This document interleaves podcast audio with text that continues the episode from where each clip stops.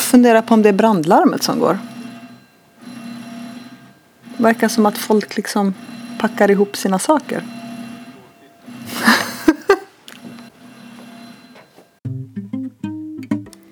I en sociala medievärld full av bilder och där bilden driver mycket av uppmärksamhet och bygger varumärket är det skrämmande att se hur dåligt pålästa många är när det gäller vilka bilder man får och inte får använda.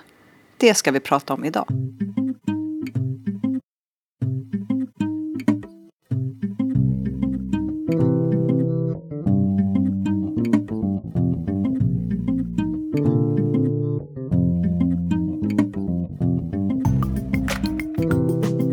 Hej, det här är podcasten Social by Default och det är som vanligt jag, Sara Larsson Bernhardt, som tillsammans med Diped Niklas Strand driver den här podcasten. Podcasten, precis som konceptet Social by Default, är ett samarbete mellan Know It Experience och Deep Edition Digital PR. Och du kan läsa mer om oss på socialbydefault.se. Om ni vill kommentera avsnittet eller har idéer för framtida avsnitt, twittra med hashtaggen Social by Default eller prata med oss på vår Facebook-sida. Podcasten sponsras av Know It Experience och av våra patrons. Hej Sara! Hej Niklas! Hur är det? Det är bra. Det är fredag. Det är fredag, det är för vi började spela in igår. Ja. Och sen hände någonting som ni hörde i början på, på det här. Brandlarmet gick Ja, hos er. ja, alla gick ju ut och de hade ju tömt hela byggnaden så att vi stod där ute ett tag och sen kände jag att nej, nu får jag gå och göra något annat. Så jag gick till Espresso House. Du var så väldigt soft också. Du liksom tittade och så ungefär så här. Ja, ja, liksom så här. Tog det lite lugnt. Liksom så här. Du är i Göteborg. Jag är i Stockholm. Det börjar, det börjar kännas att det snart är semester tycker jag. Jag har börjat komma in i en sån här semester-mode. Det finns i närheten känsla. De som har följt oss ett tag vet ju också att du brukar ju ha en hashtag var, liksom sista månaden innan semester. Vad är hashtaggen i år?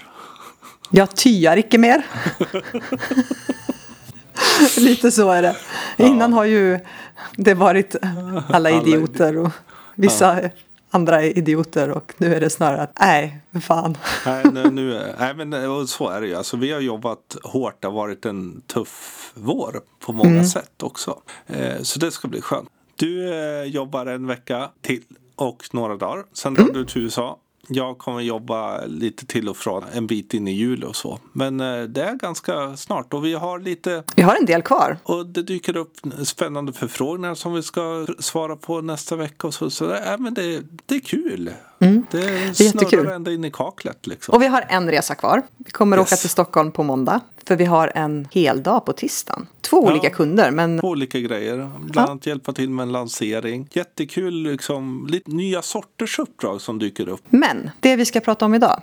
Hur kom vi fram till det? Vi ska prata bilder. Så är bilder viktigt. Alltså, I grunden, det har vi sagt länge, men bilder blir mer och mer viktigt. Men sen var det en annan grej som vårt öga föll på som gjorde att vi tänker vi det är bra att prata lite bilder och hur man faktiskt hanterar bilder. Och det var ju en artikel i Veckans Affärer. Precis, det var ju en, de skrev en artikel där de lyfte upp en ung kille, 17 år, som har under relativt kort tid då ökat sitt eget följarantal på Instagram. Eh, under ett par månader gått från noll till strax över 50 000 följare. Och det kan vi ju, i, i, på vissa företag eller vissa organisationer kan ju 50 000 följare te sig som en omöjlighet att komma upp till. För influencers och eh, de som är riktigt stora så kanske 50 000 inte är så mycket. Men han var ganska kaxig i sitt uttal och någonstans eh, lyckades väl irritera oss när man sa att är man 25, inte ens 25-åringar förstår sociala medier. Och självklart blev ju vi nyfikna. Och då går vi in och tittar på hans konto och inser att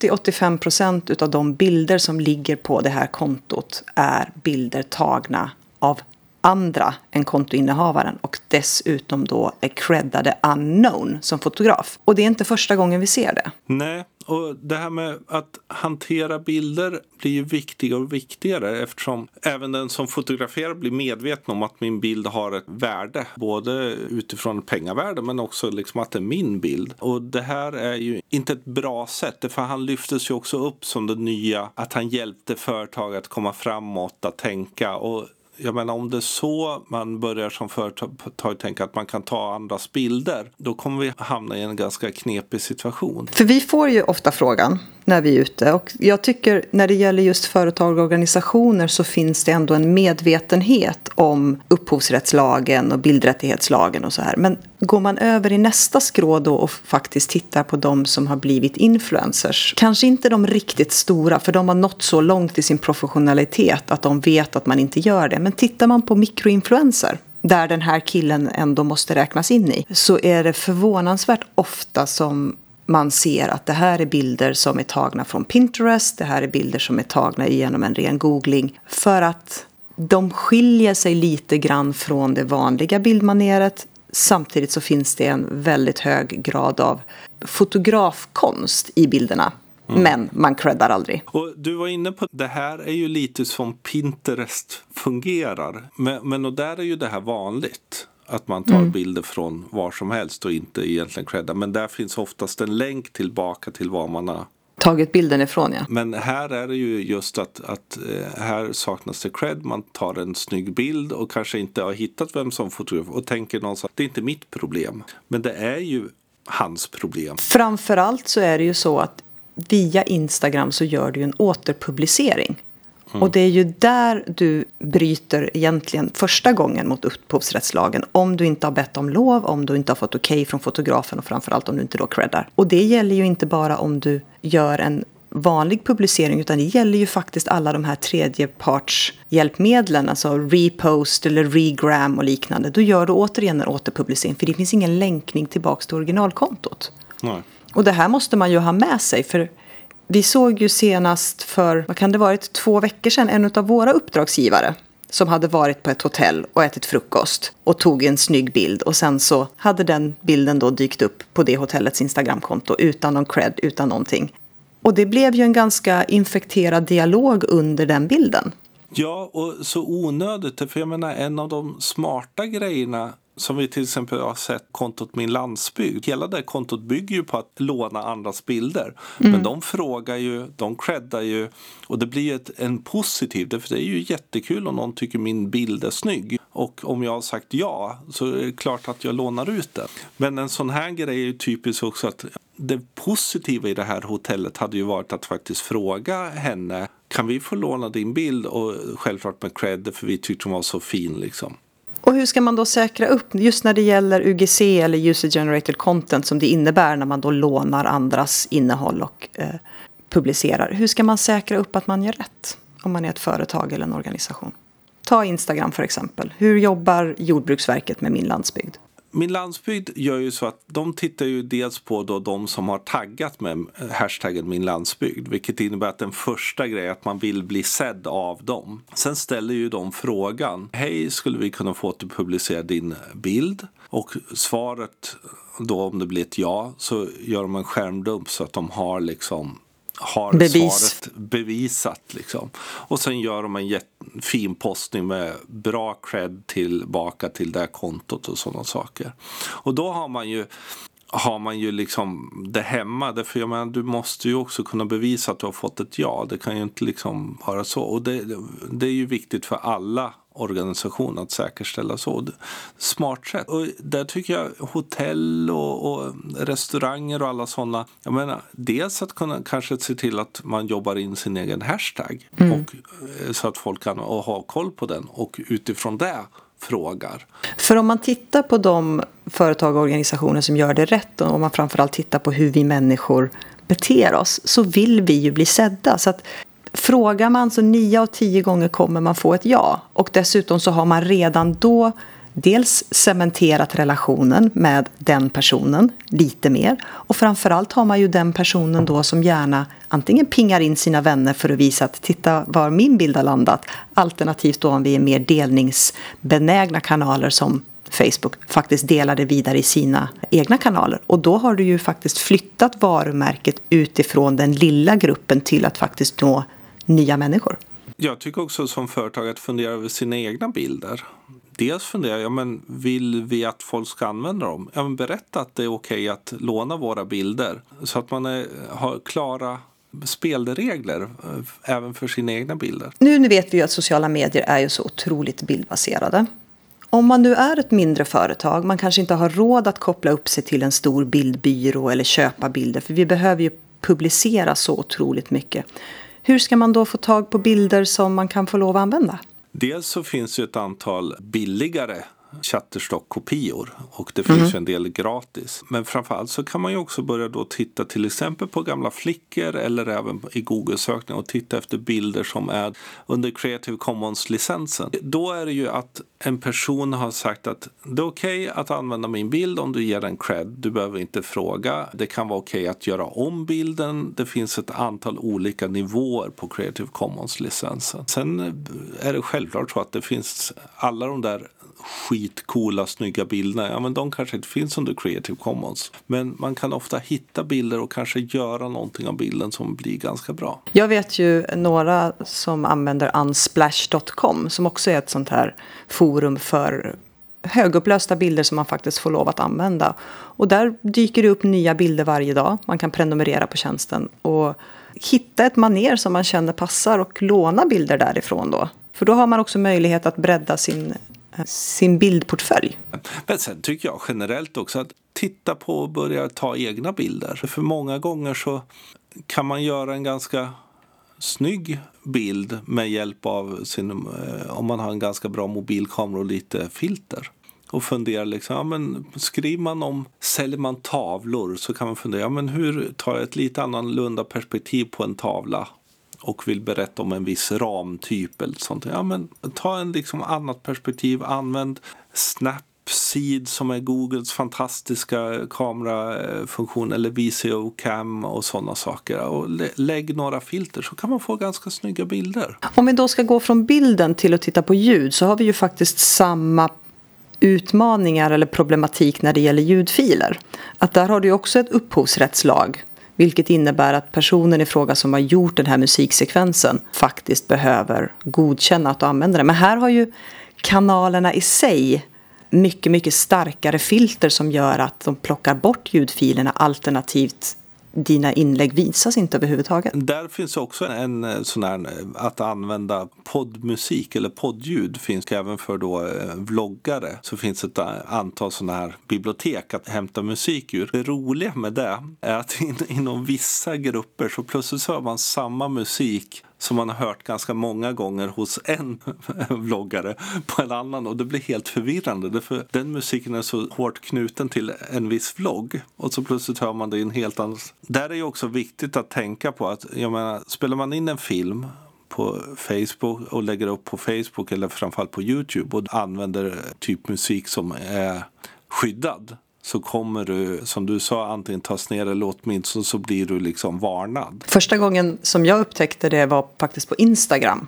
Där jag hade en, en vän till mig som hade gjort en jättefin film på sin dotter och sen så hade hon lagt Inspector Gadgets musik ovanpå i den här filmsekvensen och det var helt enkelt tyst. De hade dödat ljudet på den filmen. Ja, och jag märker det, för jag gör ju en del musik med hjälp av något som heter Launchpad, Innovations Launchpad, där, där mm. man så att säga har ett antal ljudbibliotek som man får använda. Men där då en del har använt ungefär samma ljud, samma, samma slingor någon, i någon film och inte satt det som Creative Commons på Youtube utan som skyddad.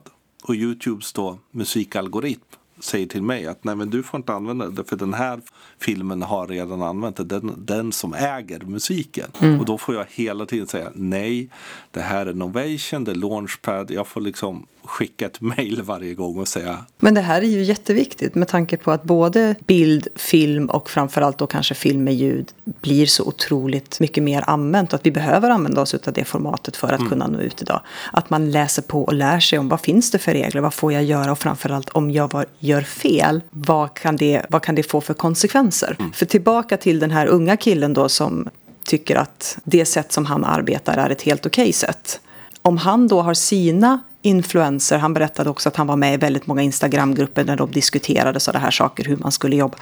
Om de inte vet så blir ju det en sanning i nästa led och då som företag kan du faktiskt råka riktigt, riktigt illa ut. Och ju mer sociala medier blir mainstream, ju mer vi blir vana vid det här så är det ju också viktigt att hela tiden ha koll på rättigheter och liknande. För jag menar, när, när du började, och framförallt när jag började, då var det ju lite hej kom och hjälp mig med hur, hur man hanterade det här med bilder och man, sådär. Men idag är det ju både som du är inne på trovärdigheten, vi har pratat juridiska, men också känslan man vill ha. För vi, vi har ju pratat ganska länge om visuell storytelling och mm. som du var inne på lite att få också bilderna att faktiskt säga rätt saker. Lite bättre påläsning när det gäller eh, vissa lagar och regler är ju att eh, rekommendera. Framförallt våga fråga om lov. Om det är så att ni hittar bilder som ni tycker om som era kunder eller andra har tagit och taggat ert varumärke eller liknande. Väldigt ofta kommer man få ett ja. Och här är ju viktigt och det har ju du jobbat under flera år med när man jobbar med tävlingar med bilder. Eh, också att ha koll på Dels att man så att säga, säker sig, är det någon bild som man tänker, eh, är det här verkligen en egen bild? Att man själv gör den kollen. Men sen också att, att ha i reglerna att man får återpublicera bilder. Några korta andra grejer. Instagram kommer ju att rulla ut den här då att man ska markera att en postning är en köpt. Samarbetspostning, influencerpostning. Det är en ganska intressant utveckling som kommer förändra branschen lite. Det är lite vilda västern. Sen Twitter har ändrat sitt utseende.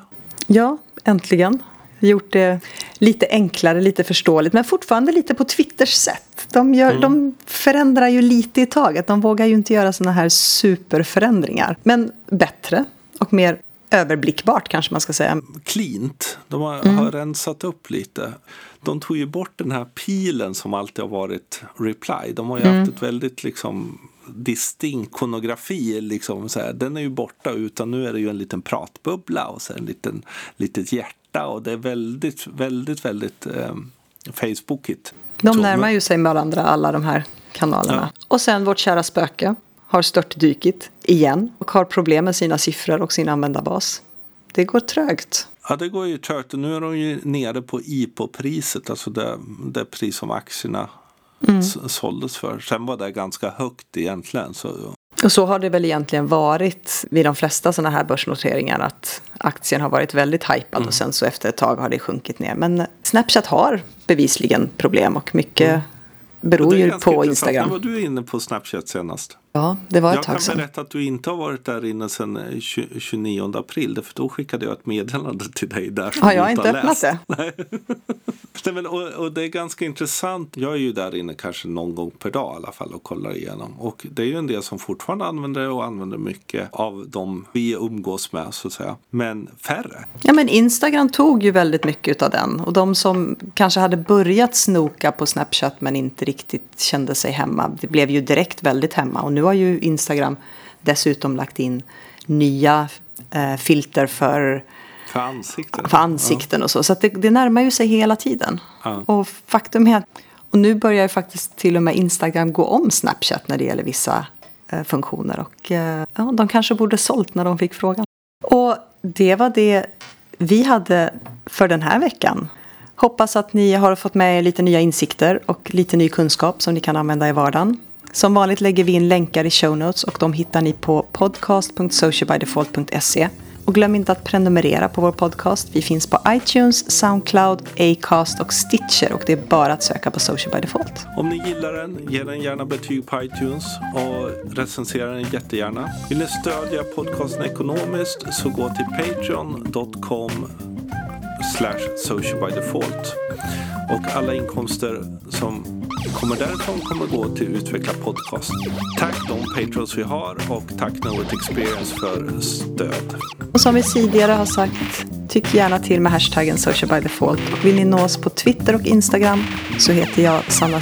LB överallt. Och jag heter Deeped överallt. Hej då! Hej då!